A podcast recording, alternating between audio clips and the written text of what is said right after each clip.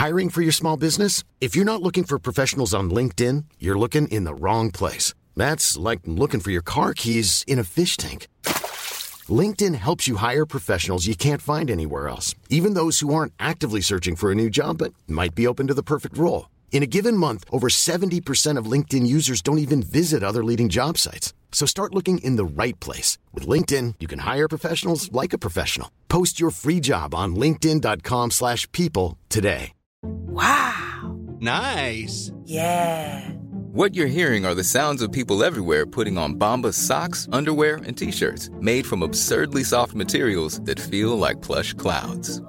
Yeah, that plush. And the best part? For every item you purchase, Bombas donates another to someone facing homelessness. Bombas. Big comfort for everyone. Go to bombas.com slash ACAST and use code ACAST for 20% off your first purchase. That's bombas.com slash ACAST. Code ACAST.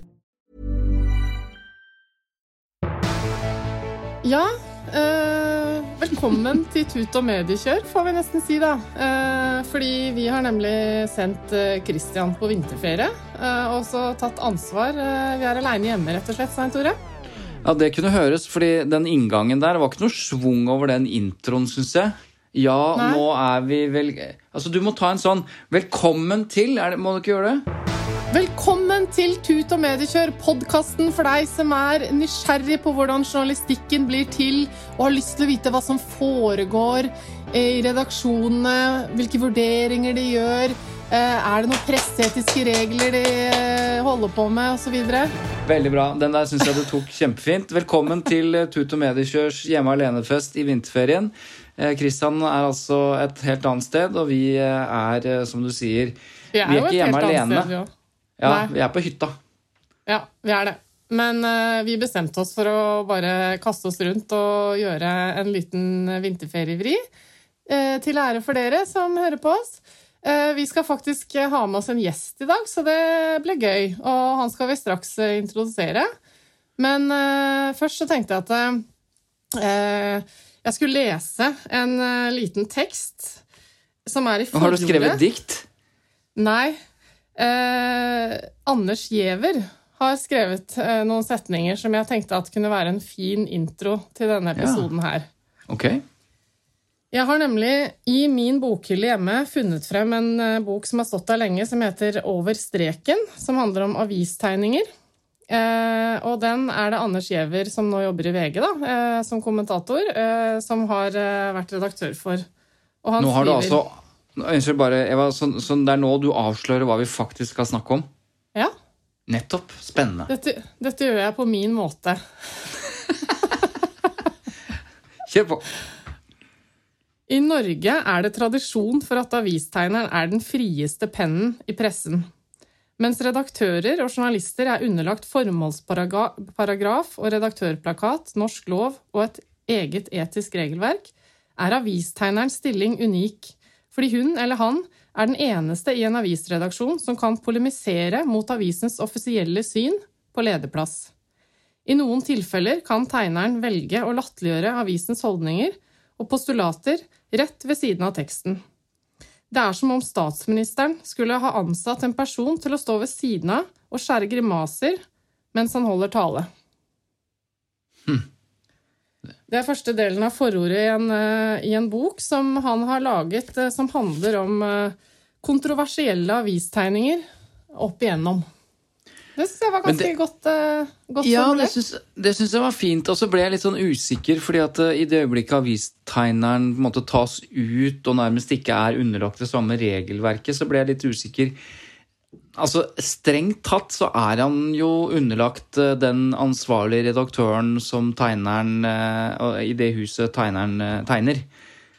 Det er riktig, fordi eh, grunnen til at vi har kommet på å snakke litt om dette temaet, da eh, Ta-ta-ta-ta, avistegneren Så- Det er fordi at uh, i forrige uke så, så skrev eh, redaktør, uh, politisk redaktør i Aftenposten, uh, Kjetil Alstaheim, en kommentar fordi han hadde, han hadde tatt en avgjørelse som han var ærlig på at han rett og slett var litt usikker på. Mm. Og han skrev at denne tegningen ble stanset. Jeg mener det var riktig, men jeg frykter at det var feil. Og det syns jeg var interessant av mange grunner. Fordi eh, han eh, gjorde både det du var i ferd med å gå inn på nå, nemlig han gjorde sin eh, redaktørgjerning. Han, han tok en vurdering, fordi det er hans ansvar, og fant den problematisk. Eller han var redd for at den ville oppfattes problematisk av publikummet til Aftenposten. Og så etterpå så snakket han om det, og det er jo, det, det er jo vi vanligvis litt glad i, for vi mener jo at, eh, at folk i pressen eh, liksom med fordel kan eh, tenke litt mer høyt om hva de driver med.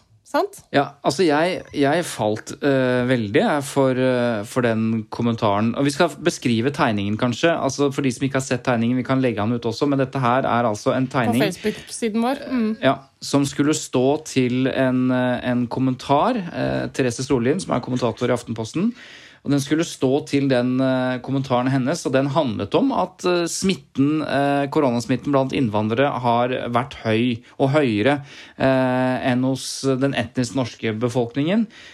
Og dette, har, dette er for så vidt kjent, men det, det var en kommentar om det. Og da tegningen som er veldig god, som står til, da, eh, som Marvin Halleraker, tegneren, har tegnet. Det er da bilde av en eh, tilsynelatende norsk eh, etnisk kvinne med svart munnbind. Og som går over et gangfelt, og så møter hun da en, det som ser ut som en kvinne, en muslimsk kvinne, med det som de aller fleste oppfatter som en burka, men du ser ansiktet bare.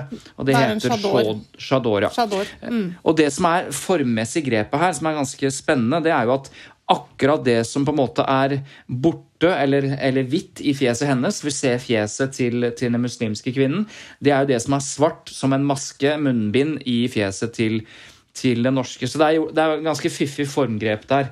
Um, så det er, det er tegningen. Og så sier vel jo eh, Ja, det, er alltid det er alltid med en viss kriblende spenning jeg åpner e-postene fra tegner Marvin eh, Halleraker, skriver han. Uh, hva har han funnet på nå, liksom? Og som regel, eh, sier Alstheim, da, så går de tegningene rett på. Noen ganger diskuterer vi litt, og noen ganger justerer eh, han som redaktør og sånn. Men denne gangen så sa han da nei. Og det er, sånn som jeg har forstått det, eh, ikke så vanlig. Nei, Men, det, er, eh, det er ganske uvanlig at, at man sier nei til tegninger. Men eh, noe av grunnen til, eh, til dette eh, handler jo om at Aftenposten eh, Altså Han var jo rett og slett redd for at kommentaren sammen med tegningen skulle føre til eh, Altså at det var stigmatiserende mot, mot en innvandrerbefolkning. Det, var, det er liksom utgangspunktet. Og så skal vi huske på at Aftenposten fikk jo kjempekjeft i høst også, da de brukte ordet innvandrersmitte på forsiden. Ja, det er det. Mm. Så, som jo er akkurat den samme saken, ikke sant? Da brukte de det ordet.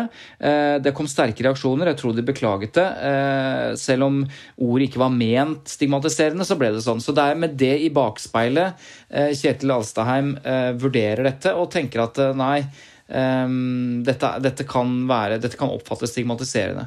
Uh, og så er han åpen for at tegningen kan tolkes helt annerledes også. Men um, Hva mener du, da? Nei, Om hva da? Om tegningen, eller om vurderingen? Ja, om det, var, om det var riktig, for vi har jo hørt andre podkaster, altså f.eks. VGs politiske redaktør Hanne Skvarteit, eh, var jo ve veldig kritisk til, eh, til både avgjørelsen, forsto jeg, og den kommentaren som han skrev. og syntes det var, synes, Skjønte ikke hva han skrev, eh, så hun er veldig kritisk. Hva tenker du? Eh, jeg tror, altså Mitt instinkt er egentlig at jeg syns hele hendelsen egentlig var fin. Altså Det vil si at en redaktør eh, tar en avgjørelse basert på litt historikk og, og frykt for å stigmatisere noen unødig, eh, selv om han innrømmet at, det- eller erkjente at det var litt vanskelig, for at det var i og for seg ikke noe i tegningen eh, som var eh, stigmatiserende. Det var, en, eh, ja, det var en illustrasjon til ett av poengene i kommentaren den skulle eh, stå ved siden av. Men, eh, men, eh, Men ville, hvis du var redaktør, da. Hvis du var redaktør, hvis du var han, ville du ha stanset sånn som han gjorde? Stanset tegningen? Nei, jeg tror nok ikke jeg ville gjort det. Nei. Fordi jeg er litt preget eh, for tiden av at eh, jeg syns det er litt for mye sånn krenkorama i samfunnet, og mener at eh, det skal, den lista skal være høy. Mm. Jeg er enig med deg. Jeg ville heller ikke, tror jeg, da, det er vanskelig å si, ikke sant? men sånn ut fra det vi vet nå, så ville jeg nok ikke ha stanset den tegningen. Men jeg ville likevel eh, skrevet den kommentaren, men da med motsatt eh, fortegn. Altså, jeg, denne vurderte jeg å stanse, men jeg endte opp med å ikke ta den avgjørelsen, hvis du skjønner. Altså, For jeg liker grepet her. Og det er det jeg ikke skjønner Hanne Skartveit i VG, som er kritisk både til Altså Én ting kan jeg være enig med Skartveit i at uh, hvis hun mener tegningen ikke burde vært stanset, greit. Men at hun er kritisk til denne kommentaren til Alstaheim og, ikke, og gir uttrykk for at hun liksom ikke skjønner noen ting av den, det er rørete eller, eller uklart. Jeg syns ikke det er uklart i det hele tatt. Overhodet. Jeg syns det er ganske krystallklart både uh, hvorfor han gjorde det, at han er usikker. Han beskriver hvorfor han er usikker. Så jeg tenker at uansett hva du faller ned på, om du velger å stanse eller ikke stanse, så er denne type kommentarer med på å gjøre litt det vi er opptatt av, da, Eva. At vi at Ja, forklarer er forklarer liksom bakgrunnen for hvorfor, vi, hvorfor dette er vanskelig, da. Det bidrar jo til at eh, folk eh, der ute, som deg som hører på, skjønner litt mer hva som foregår. Så jeg er helt enig. Tingen er jo at det, kan hende at eh, dersom eh, tegningen ble publisert med den opprinnelige kommentaren, så hadde kritikken kommet før redaktør Alstaheim rakk å gjøre den vurderingen. Da hadde det kommet i etterklokskapens lys. Ja, du måtte, du måtte sånn ha kommentert så- Ja, du måtte ha eh, sluppet kommentaren og tegningen, og så kommentaren og bakgrunnen for det likt. At det hadde kommet, Ja, det kan- kommet ja. på en måte kritikken i, i forkjøpet. Ja, nettopp. Så det blir sånn strategiske vurderinger om timing og sånn. Jeg, jeg hadde Men, eh, avtale egentlig om å ringe Alstaheim, eh, og så ble det vinterferie. Og så tenker jeg, nå har vi jo bare skrytt av Alstaheim, så det får han egentlig bare tåle å høre uten å kommentere, tenker jeg. Men, eh, men det er en det tror annen gjest du har, du har invitert. Ja, eh, jeg har invitert en annen avistegner eh, som heter Roar Hagen, som sikkert eh, mange kjenner til, som jobber i VG, og som også innimellom er med i kommentaravdelingen til VG sin podkast, Gjever og gjengen. Og jeg må si at det at han innimellom sitter der og prater og reflekterer og forteller om om tegninger han har eh, publisert i VG osv. Det, har- det har skapt en interesse hos meg eh, for avistegningen. eh, Refleksjoner som jeg ikke har hatt før. Jeg har liksom ikke tenkt så mye på disse tegningene og hva som ligger bak. Og det har han bidratt til veldig mye, for han har veldig mye å komme med. Og så kan han mye om historien til avistegningen. Så vi har rett og slett gjort noe vi aldri har gjort før. Invitert inn da en gjest, som er Roar Hagen, som skal sitte her og prate med oss om avistegningens betydning. Ja, og så er ikke det helt presist, siden du sitter på hytta og jeg sitter på hytta. Så invitert inn her betyr da inn i dette digitale rommet, da. Men det er en gjest. Men vi, vi alle nå, Svein Tore, er blitt Ja. vant til dette med at eh, vi er i digitale rom, så Det det skal sant. gå bra. Visste du forresten, eh, før vi ønsker han velkommen, at eh, Roar Hagen, tegneren Roar Hagen er faren til skuespiller Pål Sverre Valheim Hagen?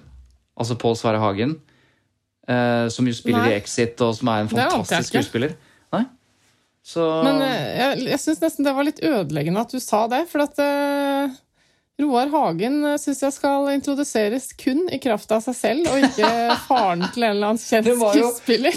Nei, men det var jo på en måte Altså, Roar Hagen er jo på sett og vis mer kjent i, i sitt miljø. Det bare, jeg tenkte det var en slags sånn Hva er det du kaller Ja. det? En fun fact? Ja. Kanskje vi Eh, skal jeg høre med om, han, om, han lik, om han liker å bli introdusert kun som tegner Roar Hagen, eller også som far eh, Roar Hagen. Ikke start med det. Men eh, det jeg kan avsløre før, vi, før han kommer inn her, eh, er at eh, han har en av de mest behagelige stemmene, syns jeg, å høre på i podkaster. Så hvis vi får til det Unnskyld meg, hva sa eh, du? Hva, det mest behagelige stemme... Altså, ja, si det en gang til. din, For det var et eller annet skurr på øret her som jeg ikke Jeg fikk det ikke med meg helt. Ok, da er vi klare for gjest, da. Velkommen, Roar Hagen, avistegner i VG. Hjertelig takk. Hyggelig å være her. Hvor er du hen, Roar? Du, nå sitter jeg i, i Stavanger i et hus som jeg har her, og snakker fra mitt hjemmekontor. Jeg har ikke fått lov å være på kontoret siden 12. mars 2020. Tenk det. Det er et år. Et år. Et år med Google Meet og, og gåtur seint og tidlig. Litt spesielt. Du, men du er jo en avistegner som sitter jo i ditt lønnkammer øh, og, og, helt uforstyrret øh, sender ut en blanding av, øh, av provoserende kunst og, og hastverksarbeid, alt ettersom hvordan du, hvordan, hva du får tid til.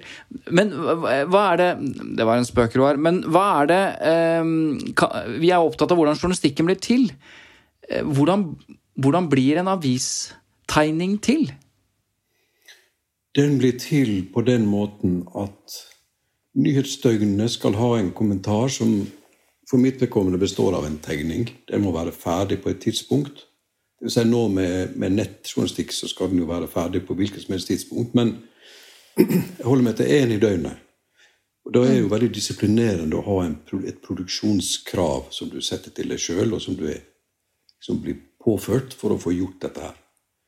Så utvikler man da forskjellige teknikker for å få det til. Du bygger opp erfaring osv. Men jeg deltar jo i en kommentaravdeling da, i avisen Verdens Gang, hvor, hvor, vi har et møte hver morgen og forsøker å finne et tema som, som passer. Og, ja. og, da er jeg jo en del av den prosessen og har full forslagsrett osv. til å påvirke eh, valg av tema, og kan også lage min, min helt egen kommentar om det er ønskelig. Men så er det sånn at du eh, må tegne noen ganger samtidig som en av de andre skrivende kommentatorene skal skrive sin tekst, så du må tegne på det temaet dere har blitt enige om uten å ha lest kommentaren? Å ja. Det er en stor fordel egentlig mm. å ikke ha lest kommentaren, fordi hvis jeg kjenner temaet, så lager jeg min egen kommentar til temaet.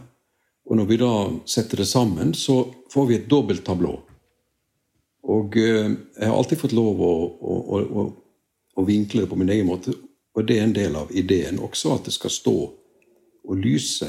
Eh, gjerne i motsats til eh, den skrevne kommentaren, eller som en del av den, alt dette som det kommer ut når vi er ferdig produsert. Så, så det er ganske spennende, ganske dynamisk måte å jobbe på. Veldig, veldig organisk også. Men Ta et eksempel, eh, Roar. Altså En av de siste tegningene du har tegnet nå. Eh, hva, hva har det vært, f.eks.? Det er jo veldig mye korona. Akkurat før jeg satte meg ned i denne Google Meet-situasjonen, så leverte jeg en tegning om det nye Fremskrittspartiet. Så, ja, Og hva tegnet mm. du da? jeg har jo, jeg har jo, jeg har jo kutta ut Siv, som jeg aldri har fått egentlig så veldig godt til av en eller annen grunn. Så Siv er ikke med. Men jeg har da forsøkt å gjenskape en, et møte mellom det kalde og det varme, med tanke på eh, Kristelig Folkepartis sjelekvaler da, da Hareide ville ha partiet til å velge side mellom det varme og det kalde. Og jeg har dandert situasjonen rundt en bålgryte utendørs, som for så vidt er aktuell nå i koronaen, og, og hvor Hareide og de andre prøver å holde varmen når, når Sylvi Listhaug kom inn på scenen. Så. Men ja, og hvordan blir, hvordan, Du sier at denne, denne, prosessen er dynamisk, men hvordan, hvordan, ble den tegningen til? Altså helt konkret? Ja, jeg bruker assosiasjonsmetoden. Det vil si, hvilke, hvilke, hvilke, faktorer skal du ha med? Jeg bruker samme metode som Milan Kundera redegjør for når han skal skrive romaner. Du, ut, du utdeler bare de effektene og faktorene som du mener er nødvendig for at leseren skal kunne trekke sin egen slutning og, og, og delta i, i, uh, i, bildet, eller kommentaren, om du vil. Så jeg legger da inn de elementene som jeg mener er nødvendige. Mm. Og for å prøve å sette tankene i spill da hos seeren. Dette syns jeg er den mest interessante delen av jobben min. Og, og, hvilke, og, hvilke, faktorer trenger du for å framstille Fremskrittspartiet? Jo, jeg kan bruke symboler, altså nesebåret til Carl I, sant, som er bakgrunn, som en, som en sånn ikonisk greie som slår an til partiets opprinnelse. Mm. Eh, jeg, kan, jeg, bruker bålgryter som, som, viser altså den sosiale begrensningen vi har i dag, hvor vi må samle oss utendørs rundt bålgryter. Jeg bruker bunad, sunnmørsbunaden i dette tilfellet, som, som Sylvi har på seg. Og jeg er jo typisk sånn sunnmørsdame på, på, et vis, i den forstand at hun lar seg ikke styre av noen. De ble jo mm. tidlig enke vet du, for at mennene omkom enten i skred eller på fiske. vet du, så, så de har jo en egen autonomi. så for meg er hun litt mer forståelig karakter enn for mange andre, kanskje. Eh, eh, men, men eh, rundt, rundt kjente assosiasjoner pleier å bygge opp disse bildene. Det skal gi, mm. gis en forståelig ramme. da.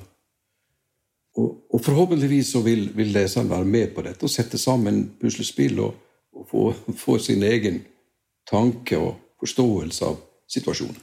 Mm.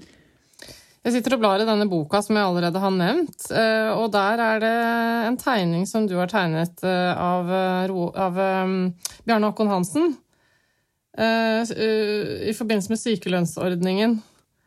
Og altså Bjarne Håkon Hansen, Da skal jeg gjøre sånn som du vanligvis gjør. Eva, hvem er det? Altså Bjarne Håkon Hansen var da tidligere mangeårig arbeiderpartipolitiker, statsråd, var arbeidsminister eh, under Jens Stoltenberg sin regjering, begge regjeringene, tror jeg. Eh, og han eh, prøvde å utfordre sykelønnsordningen, og det gjør man ikke ustraffet i Arbeiderpartiet, og fikk kjeft og bank av den gang LO-leder Geir Liv Valla. Så det er bakgrunnen. Var ikke den ganske mm. godt oppsummert, Eva?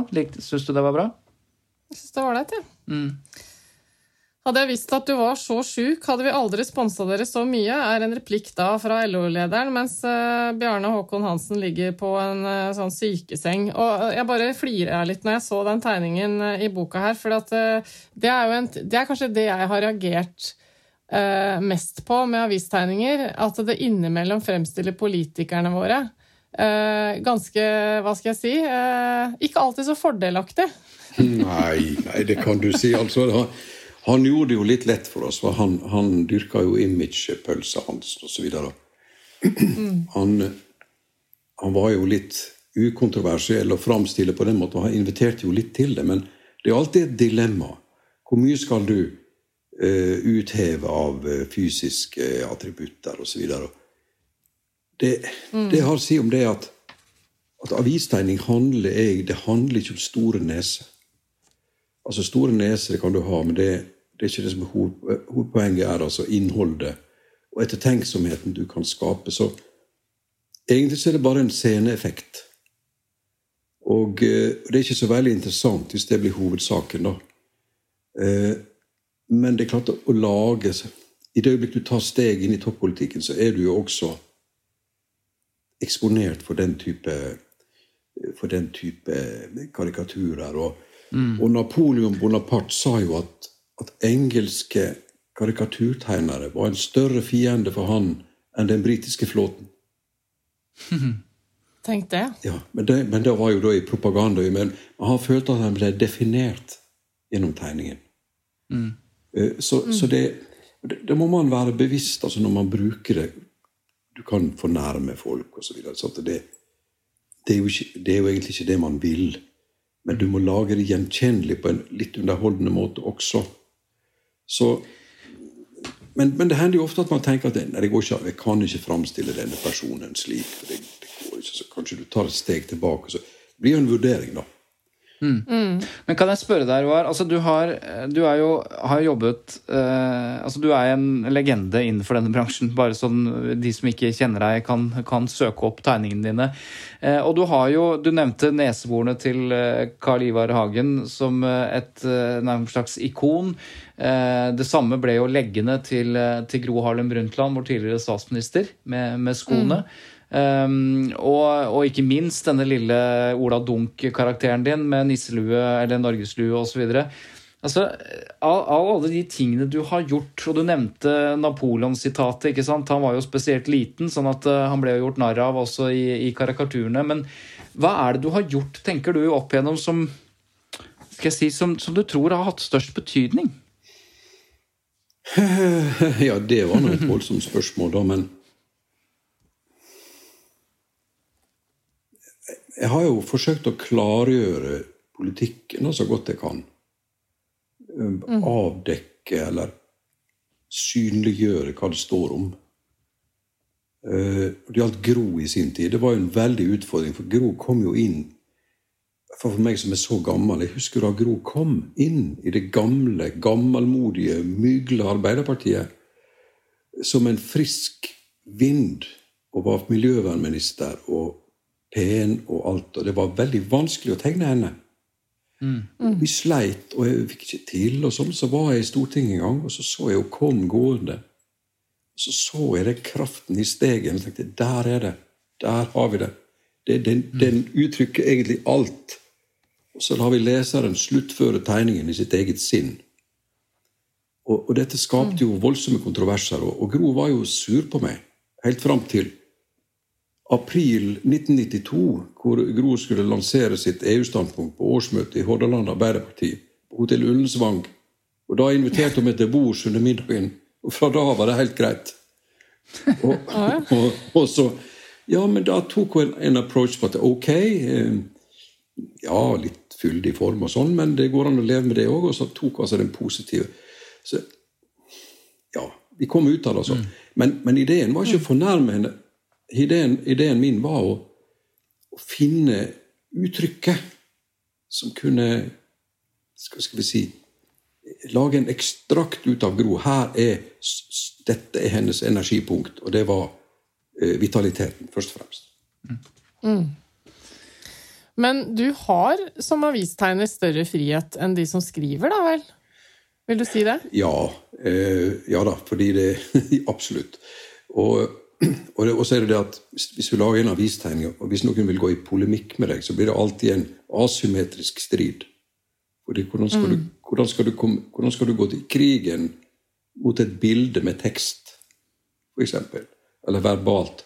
Det blir som å, å kaste en tennisball inn på en fotballbane. så Det blir gærent. Så du har alltid en high ground. Og så har du humoren på din side, så jeg erkjenner og er litt ydmyk overfor at man skal ikke utnytte det. Så man må, litt, eh, man må være litt, eh, litt beskjeden òg. Så ja, nei, det kan virke. Det, det kan jo virke mye sterkere enn en tror også. Så jeg må bare prøve, da. Lære av sine feil osv. Fordi eh, vi snakker jo ofte hos oss om, eh, om Vær varsom-plakaten, og, og for de som ikke egentlig har reflektert over det, så er det jo sånn at eh, enhver tegning da, som du lager, og som skal publiseres i Verdens Gang eller eh, de stedene du har jobba tidligere, som eh, forresten er Sunnmørsposten, Stavanger Aftenblad blant annet. Du kan jo legge til hvis det er noe annet du vil tilføre. Jo, jeg er med i en del utenlandske sammenslutninger og syndikater. Og, Ja. ja, sånn. Ja. Så er, det jo, um, så er det jo ansvarlig redaktør i den avisen som trykker din tegning, som må stå til ansvar for å ha tatt den avgjørelsen at denne kan komme på trykk under vår logo på et vis. da. Eh, og det, det er jo det som oppsto for så vidt eh, den, eh, i den situasjonen i Aftenposten som vi allerede har snakket litt om. Men, eh, men har, du, har du noen ganger eh, liksom tenkt selv at dette, den tegningen her er fornøyd med, den er innafor, og, og så har den blitt stoppet av redaktør? Eh, ja, det har skjedd i to, to anledninger i VG. Eh, og det ene gangen husker jeg veldig godt. Da kom eh, min, min kjære redaktør, altså ikke nåværende, men tidligere har jo vært mange, inn på mitt kontor, bleik om nebbet med en tegning, og sa at denne kan jeg ikke sette på trykk i Verdens Gang. Og, eh, og så sa jeg ok, det er din makt som redaktør, det kan du gjøre. Det, det må jeg respektere. for How would you like to look five years younger? In a clinical study, people that had volume added with Juvederm Voluma XC in the cheeks perceived themselves as looking five years younger at six months after treatment. Look younger, feel like you. Add volume for lift and contour in the cheeks with Juvederm Voluma XC. Reverse signs of aging by adding volume to smooth laugh lines with Juvederm Volure XC. For important safety information and to find a licensed specialist, visit juvederm.com. That's J U V E D E R M.com. Not for people with severe allergic reactions, allergies to lidocaine, or the proteins used in Juvederm. Common side effects include injection site redness, swelling, pain, tenderness, firmness, lumps, bumps, bruising, discoloration, or itching. There's a risk of unintentional injection into a blood vessel, which can cause vision abnormalities, blindness, stroke, temporary scabs, or scarring. Talk to a licensed specialist to find out if it's right for you. Hiring for your small business? If you're not looking for professionals on LinkedIn, you're looking in the wrong place. That's like looking for your car keys in a fish tank.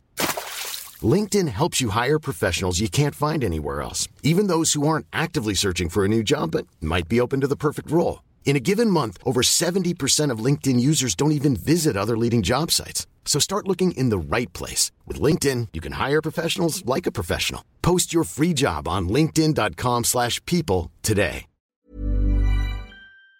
Jeg er avhengig av en sterk redaktør, en suveren redaktør, så det er greit. Men jeg kommer ikke til å lage en ny for at du skal bli glad. Da, da må du bruke et foto. Det, og det var helt i orden. Og så gikk han ut og lukte døra, og alt, alt var bra med oss. Vi kom ut av en ekstremt krevende situasjon med enda større respekt for hverandre. Eh, og det var jo for meg en forbilledlig måte å løse det på. Og, og, eh, og du kan komme til en sånn situasjon, og du, du vil jo være av Hva skal vi si du, kan, du, du har bare tre autoriteter, egentlig. Det er norsk lov, og så har du redaktøren din, og så måtte det være dine nærmeste som, som ikke vil at du skal dumme det ut. Det er de tre sensorene du har, og det, det tre ikke sant, som du, du må forholde deg til. Og jeg, har, jeg, jeg, jeg og alle andre avistegnere har en særdeles sterk interesse av å ha en sterk, uavhengig eh, og bevisst redaktør. Eh, og vi skylder også redaktøren et, eh, eh, lojalitet, som redaktøren skylder oss autoritet. Så dette er et veldig finstemt samspill som, som Det må bare være slik. Men det at du bare har øh, fått øh, refusert eller stoppet to tegninger i din lange, lange karriere i VG Man kan jo se på det på to måter. Det ene er at eh, det er stor takhøyde og forståelse i, eh, i VG på redaktørplass, eller at du ikke har vært eh, skarp nok. Ja, det kan man jo, kan man jo alltids lure på. Kunne du vært skarpere? Kunne du vært...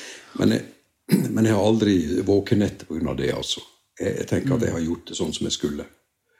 Og eh, jeg har gjort så godt jeg kunne fra dag til dag, og, og har egentlig ikke ønsk, ønska å gå hardere til verks heller.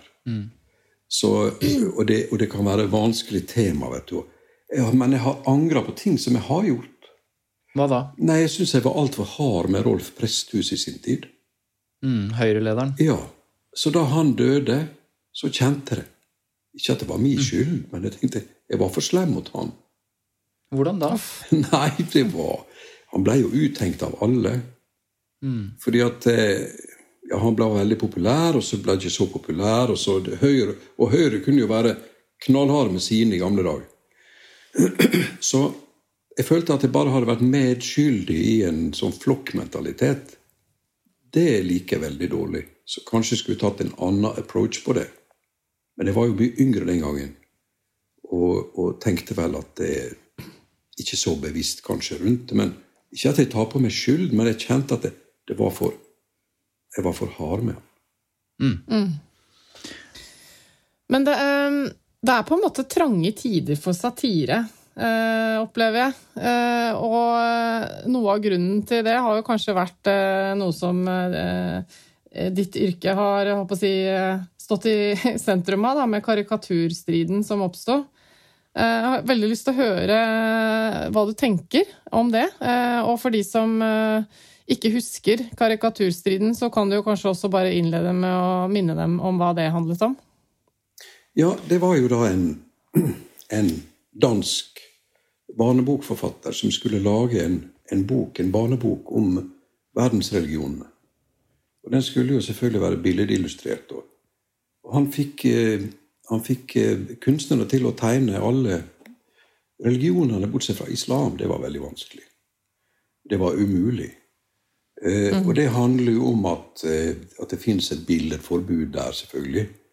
Eh, hvor det da er ulovlig å framstille profeten i bildet. Eh, dette ble en sak i Danmark, og for å få sving på det, så inviterte Jyllandsposten eh, avistegnerne i Danmark, mine danske bladtegnerkolleger, til å framstille profeten. Og de satt jo i sving på vanlig måte og tegna profeten. Og det ble jo et veldig spetakkel med brenning av ambassade og masse mennesker som ble drept. Og så videre. Det var jo bakgrunnen. Eh, og eh, med det resultat at eh, i hvert fall en av disse lever med, med livvakt. Kurt Westergård har jeg møtt eh, personlig. Og jeg kjenner jo disse danskene godt. Eh, og det ble jo et spetakkel, og Jyllandsposten måtte ha livvakter og barrikadere seg osv. Så, videre, og så, videre. så dette ble jo en voldsom påminning om kraften i streken. At du faktisk på tegnebordet ditt hadde i hendene et redskap som kunne sette ditt eget liv i fare, avisen, kollegenes liv i fare, og sette landet ditt i trøbbel. Mm. Og, og, ja, tenk det. Og, altså, altså, det var jo en, en, en kolossal påminnelse om hvor, hvor, skummel verden har blitt, og hva du kan forårsake. Og det er klart, I kjølvannet av det så har det jo oppstått en utstrakt eh, selvsensur, ikke bare i karikaturbransjen, men i alle bransjer, hvor man helst ikke tar i dette. Eh, og, eh, så det, det reiser en rekke prinsipielt store spørsmål mm. om den frie, frie tanke, frie ytring. Du kan ha det på papiret, men alle vet at hvis du krosser disse grensene, så får, kan du få ødelagt livet ditt på et minutt. Mm. Slik at det, den reelle ytringsfriheten i disse spørsmåla er sterkt innskrenka i det offentlige rommet, altså som aviser osv. Hvis det derimot florerer på nettet, det mørke nettet osv., som, som, som er i det skjulte. Men den åpne debatten er, er jo skada av dette, vil jeg påstå. Mm. Du kan svare som en kort oppfølging eh, til det, Roar. Du sier at det har ført til en selvsensur, og det er åpenbart at du og andre norske avistegnere setter dere ikke ned og tegner eh, Mohammed. Eh, men eh, hvilke andre situasjoner kan du sitte i som tegner hvor du kjenner at nå nå begrenser jeg meg. Nå kjenner jeg at jeg, eh, at jeg løfter på en måte pennen. Altså nå, nå skjer det noe med meg. Nå, nå, skjer det en slags form for selvsensur eller begrensning. Hvis, hvis, det i det hele tatt skjer i ditt virke og din jobb, hvilke temaer er det du da eh, baler med? Nei, kan jo nevne litt generelt. altså Tema som er vanskelige i dag. Da jeg begynte med dette, så var jo liksom sånne seksuelle pikanterier det største du kunne gå Altså Den som turte det, var jo mm. da verdens eh, modigste mann eller kvinne. Og den som også kunne pirke borti kristendommen, var jo også da eh, gjerne automatisk helt. Alt dette jo, virker jo latterlig i dag. Men den nye tabuen i tillegg til religion vil jo være identitetspolitikken. Altså kjønnspolitikken vil du nødig ta i. Den er så betent, og den er så nervøs, eh, at du hvis, hvis du gjør det, så, så, vil folk lese helt andre ting inn i tegningen din enn du hadde som intensjon. Du gleder deg ikke til et oppdrag eh, om å illustrere noe i transdebatten, kanskje? Jo, jeg oppfatter det ikke som et oppdrag, fordi jeg kan velge. Ja. Eh, men eh, jo, jeg kan jo gjøre det. Jeg kan også gjøre det når det gjelder islam, og, når det gjelder innvandring og sånne ting, på, på et eller annet vis. For, fordi jeg vil jo gjerne inkludere alle mennesker i satiren. Sånn, det er jo kjærlighet i det òg. Mm. Men for eksempel Jeg opplevde nok for eksempel når det gjelder homopolitikk, at det var lettere å kunne gjøre det på 90-tallet enn nå. Eh, mm. Hvis jeg skulle gjøre det nå, så ville folk bli veldig fornærmet, tenker jeg da. På en måte som mm. ikke vil være min intensjon. Så det er kanskje best altså, å turn the blind eye til det. Sånt, og, og alt det som har med metoo å gjøre, også er veldig veldig følsomt. Og, mm. og nå har du jo transdebatten, ikke sant. Der, mm. og, og, den vil man også kvie seg for å gå inn i. Fordi den er så følelsesladet. Og, den, og den, den, inneholder så mange andre element som du ikke helt forstår. Så ja da, det er masse tabu. Opplever du at eh, folk blir mer krenka nå enn tidligere? Veldig. Veldig. Ja. Og, og man tillegges automatisk eh, Hvis du forsøker å nyansere, så tillegges du nesten automatisk å havne ned på en eller annen fløy. Som du, selv om du står i midten. Det er veldig vanskelig å være the middleman. Mm. mm. Men hvis du ser f.eks. på den tegningen som vi startet eh, sendingen med. altså Det er en tegning av den eminente tegnekollegaen din Marvin Halleraker, som uh, har blitt kåret til årets avistegner tidligere. Uh, han har da tegnet dette bildet av denne etnisk norske som går over veien med et svart munnbind som ser ut som nærmest er klippet ut fra akkurat en burka. Eh, altså Det er et formspråk som er ganske som er ganske fiffig, men som eh, Kjetil B. Alstheim, politisk redaktør i Aftenposten, var redd for skulle virke stigmatiserende. Og så sa vi også i bakspeilet så hadde jo Aftenposten denne innvandrersmitten, ordet innvandrersmitte i høst, som de fikk kjempekjeft for, som jo sikkert har vært med på dette. Men hva tenkte du da du, da du skjønte og så at uh, Hallerakers tegning hadde blitt stanset? Altså, det er, det er noe så. Det, var nå det det de altså Redaktøren i Aftenposten tenkte at det må bli stansa. Det, det, får nå så være. Men at han da stanser den, og så kommer tilbake og setter den i spill og argumenterer for sine gode hensikter med å stanse den, så skal Marvin stå og lyse som et eksempel på liksom uh, noe som ble vanskelig. Det syns jeg var veldig rart. Veldig rart, egentlig, og helt nytt. Uh, jeg tror det som har skjedd, må være at at tema, tematikken var eh, innvandrersmitte. ikke sant? Og er det, det, er vanskelig, fordi, og det vil man helst ikke ta i. Eh, og så lager Marvin den tegningen, så kan den projiseres inn som en sånn eh, kritisk greie.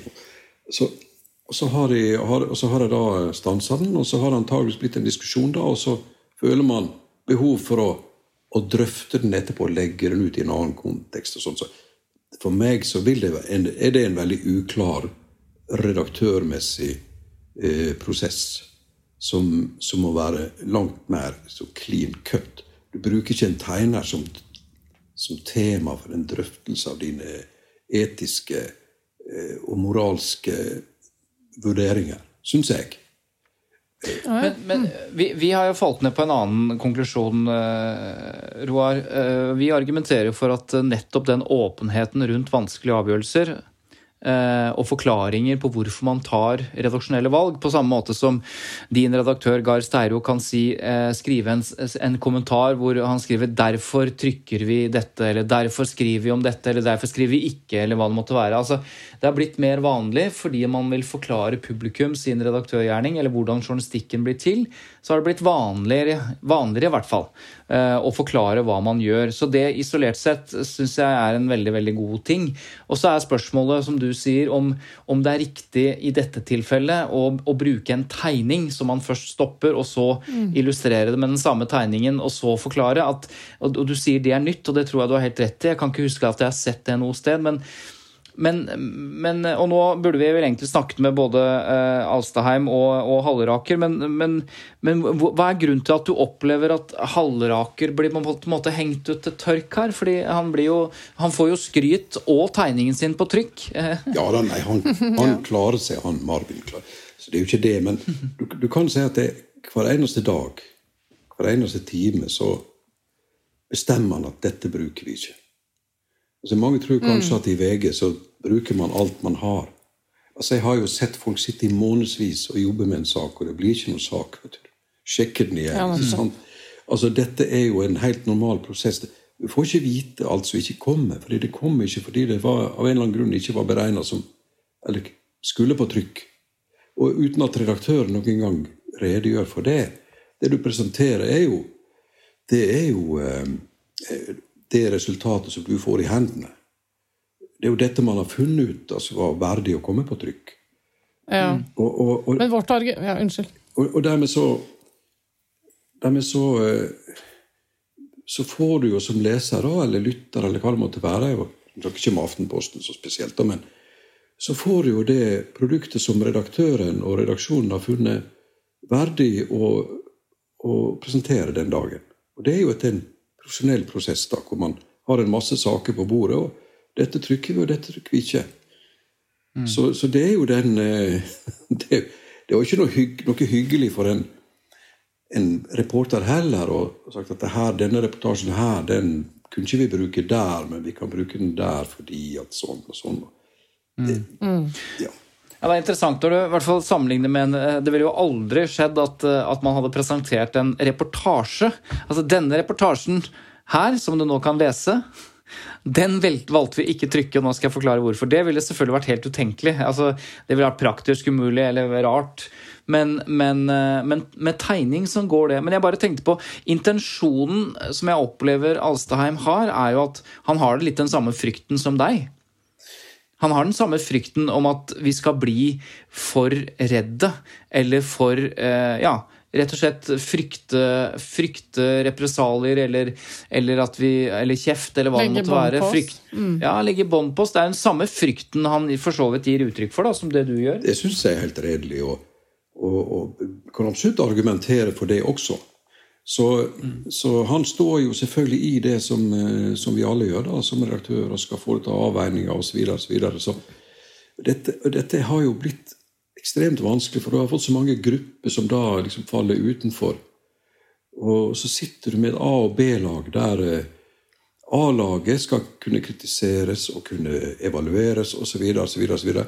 så får du et B-lag som, som, er så eksepsjonelle at, at du ikke kan verken omtale det, eller om du skal omtale, så må du gjøre det på en helt spesiell måte som du kan, som du kan eh, unnlate med, med A-gruppen. Og For noen år tilbake så var det en, en eh, syrisk venninne som sa til meg at kan du være så snill kan du være så snill å betrakte meg som araber etter samme kriterier som en jøde? Vær så snill. Mm. Still mm. de samme kravene, please. Ikke behandle mm. meg som en, som en eh, som noen laverestående. Og det traff mm. meg, altså. Tenkte, det skal, jeg, det skal jeg prøve. Utrolig viktig. Ja. Det reiser så mange spørsmål. Og, eh, og, dette har jo gått enda lenger i Sverige og noen andre land. så det har hatt sånn åsiktskorridor osv. Så, videre, så, videre. så det, dette her er jo det vi lever med hver dag nå som kommentatorer. og Prøver å, å sette fot så godt vi kan, da. Eh, men jeg opplever jo daglig at folk liker tegningene mine av helt forskjellig grunn. Mm. Og så tenker du at ja, kan den kan jeg, tør, tør, jeg at den liker denne tegningen på høyresiden, men også den på venstresiden liker den, men av forskjellig grunn? Og det er jo hvis du lager det litt åpent, med, hvis du legger fortolkninger inn i, inn i tegningene dine, at folk kan da eh, ha en slags deltakelse, en slags delaktighet. Mm. Og det ønsker jo jeg så kan du jo risikere at du får likes av folk som ikke hadde venta. Det må du bare leve med. Ja. Roar, vi må snart gå inn for landing, men eh, jeg syns ikke vi kan ha deg her som vår eh, gjest uten at eh, vi spør deg litt om det som kanskje har vært gjennomgangsfiguren din under pandemien. Nemlig denne pestdoktoren i dine tegninger. Uh, og de, eh, hvis vi får lov, holdt jeg på å si, så kan vi jo legge ut uh, et lite utvalg av dem uh, for lytterne våre, sånn at de kan kikke på dem. Da. Og så kan du kanskje fortelle litt om hvordan du kom fram til denne ideen her, om at det skulle gå igjen i tegningene dine i VG i denne perioden her. Altså, For meg som er veldig interessert i historie, alltid vært det, det er en stor, stor lidenskap for meg. så jeg bruker alltid å lete etter historiske paralleller til det som skjer. Og når det gjelder pest, så kom jeg opp med to ting. Det ene var eh, Theodor Kittelsens makeløse tegning av pesta eh, i strek, som han gjorde for over 100 år siden. Hvor han ga svartedauden i Norge et ansikt, et ikonisk ansikt som veldig mange generasjoner har vokst opp med, og prega vårt syn på svartedauden. Og så fant jeg da fram igjen det som jeg har sett før, eller sett her og der. Det var denne pestdoktoren som, som vandra rundt i europeiske byer med nebb, påsydd nebb, og skulle kurere de, de pestsjuke. For vi hadde jo ingen medisin mot pesten. Og det har vi ikke i dag heller. Så nå har vi jo fått pestdoktorer i, i, på fjernsyn og i pressen og overalt. Og ja. Alle kan være pestdoktor, for ingen er pestdoktor. Så jeg tenkte det kan passe. Mm. Og, og, Så jeg har jo da gjenreist den, og folk spør hvem er dette, og hvorfor det, og sånn. Og så tenker jeg ja, men, men, da vil jeg tilføre et element som kan pirre nysgjerrigheten. Og som kan være med å, å billedskape den situasjonen vi står i. Eh, Så derfor brukte Så er det jo veldig dekorativ, da, med den svarte kappa og nebbet der. Ja, for det er litt mann med ljåen. Litt mann er litt barnemiljø. Ja, det er jo nettopp det Pesta-bildet. altså Theodor Kittelsens eh, Dette er jo fra begynnelsen av 1900-tallet. altså Da han tegnet denne, denne ja, Som ble også en gjennomgangsfigur. Som var jo mannen med ljåen. Det var jo dette hvite ansiktet og denne kappa og denne, denne ljåen. Men, eh, og det er interessant at Theodor Kittelsen er jo mer kjent, eller like kjent da for eh, for et annet skal vi si, et politisk bilde som har blitt brukt av en helt annen karakter, og nemlig Soria Moria, som, som er kanskje hans mest kjente kjente bildet. Da. Men, men bare sånn avslutningsvis, du sier at du er historieinteressert. Du, du kan alt om norsk politikk. Eh, og, og det er jo ikke tilfeldig, fordi at du sitter jo som kommentator i kommentatoravdelingen i VG og må være like opplest, like oppdatert, like skarp, like, eh, like meningsbærende som alle de andre som skriver. Men det er kanskje Jeg opplever kanskje Eva, at det er ikke helt eh, det Folk skjønner ikke det at dette gjelder ikke alle avistegnere, men, men styrken til Roar, da, hvis jeg kan få lov til å snakke om han i tredjeperson, siden han ikke sitter i rommet, eh, er jo nettopp at han har, at han har den kunnskapen og den, eh, at pennen akkompagneres av den skarpe kommentaren. Ja. Eh, og at han er like, at han er like Skal vi si like og vel så, så kompetent til å kommentere norsk politikk som hvilken som helst eh, eh, kommentator, på en måte. Og det, Ja, er, det- det er det akkurat- syns jeg er er tegningene viser, da. Mm, og det var det som var eh, Som jeg sa før Roar eh, kom inn her også? Som, som jeg har lært gjennom å høre på deg, Roar, i, de, i deres podkast. Nettopp det. At en avistegner er jo sannelig en kommentator. Og kan og forstår og vurderer eh, ting på akkurat samme måte. Og det, det, det var på en måte litt nytt for meg, og det syns jeg det var gøy å få lov til å høre og vise til våre lyttere nå, da. Ja, Da vil jeg jo bare si at det var jo også en stor og fin opplevelse å sitte her og snakke med dere to. Så hyggelig. Så hyggelig. Da skal vi på vei ut, eh, Roar, så vil jeg ha et veldig kort svar på eh, kanskje en litt vanskelig fråga. Eh, fordi eh, fordi eh, etter et, et rabalder med tegningen av Israels statsminister Benjamin Netanyahu, så bestemte New York Times seg for å droppe den daglige avistegningen. altså og du var inne på det, at det er Krenkorama og det er, det er med karikaturtegningene i bakspeilet. Altså, om ti år, da. En ting er at du er pensjonert, liksom, men, men hvor står avistegningen om, om 10-15-20 år, tror du? Det kommer først og fremst an på økonomien i pressen. Og så kommer det an på om redaktørene og ledelsen klarer å rekruttere nye og gi et tilbud. Da jeg begynte i dette, her, så kunne avisene tilby et bohemaktig liv med en borgerlig lønn. og, det var jo fantastisk å komme inn i pressen. Altså Det var som å komme inn på en sky. Og, og, eh, og, for, for, og det var jo en, en sånn frihet og en, og en stolthet i det som, som, eh, som i hvert fall sitter i meg, og som er veldig takknemlig.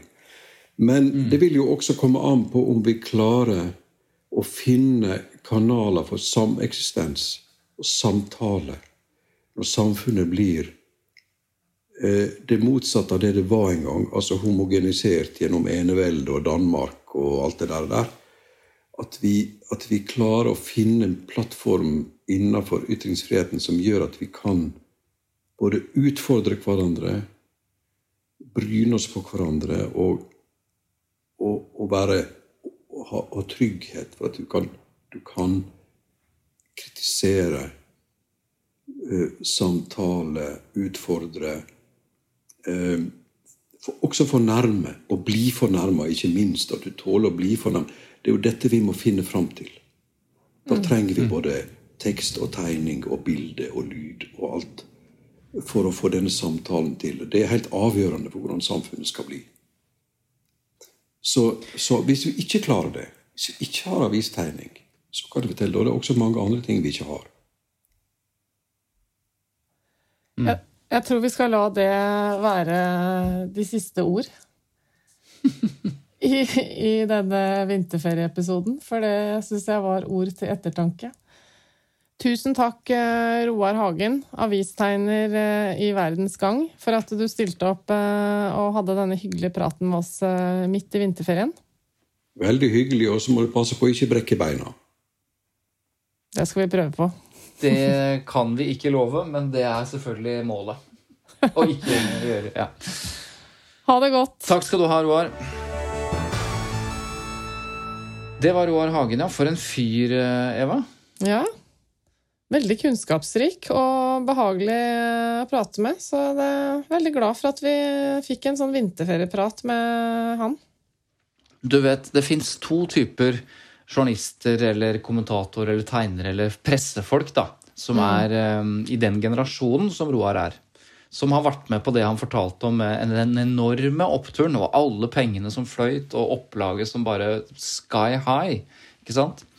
Så opplever jeg det, eh, uten at jeg nå skal begynne å nevne navn, så opplever jeg at du har en del av den gjengen som deler historier og kunnskap, og som er nysgjerrige på den oppvoksende slekt, og som i det hele tatt er veldig veldig imøtekommende og veldig trygge og spennende samtalepartnere. For meg, som da, den snakker jeg litt om da jeg var yngre journalist, så har du dessverre en gjeng folk som bare er helt motsatt. Som bare blir mer og mer besserwissere, og som blir mer og mer eh, høye på seg sjøl og tenker at alle andre de er bare håpløse. Jeg har jobbet svarene. i pressen i alle år, jeg har alle svarene. Der har du to i hvert fall mulige varianter, eller du har to helt konkrete varianter av pressefolk. Og jeg må si at jeg eh, ikke unaturlig foretrekker den første delen, som blir klokere, eh, og som deler av sin kunnskap og sine historier. Som Og som fortsatt er åpen for at eh, det kan være noen andre som har eh, kommet opp med noe nytt, eller noen nye tanker. Ja, enig. Riktig. Nei, fantastisk. Da skal vi på ski, eh, Eva. Jeg vet ikke hva Ja. du har tenkt til. Det skal jeg òg, Ja. rett Så da sier vi vel bare at vi ses igjen i Oslo, og håper at alle som hører på, syns at det var ok, selv om vi savna Christian, for han var enda lenger unna på vinterferie. Ja, litt mer out of reach. Mm. Denne episoden er strengt tatt ikke produsert av Lyder Produksjoner. Det vil si, den er tatt opp av Sandum og Bergestuen, og så er den da eh, videreformidlet og foredlet av Lyder Produksjoner. Veldig hyggelig at du har eh, vært med og hørt på eh, oss i samtalen med Roar, og så ses vi igjen. Riktig. Eller høres igjen. Ja, eh, høres igjen, ja. Vi ses igjen. ha det, ja. Riktig god helg. Ja. Ha det, ja. Ha det.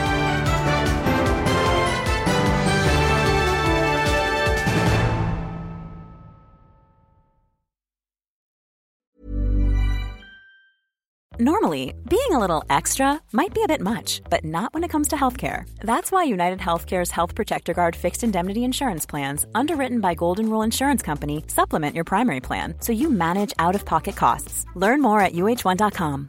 When you make decisions for your company, you look for the no brainers. And if you have a lot of mailing to do, stamps.com is the ultimate no brainer. It streamlines your processes to make your business more efficient, which makes you less busy.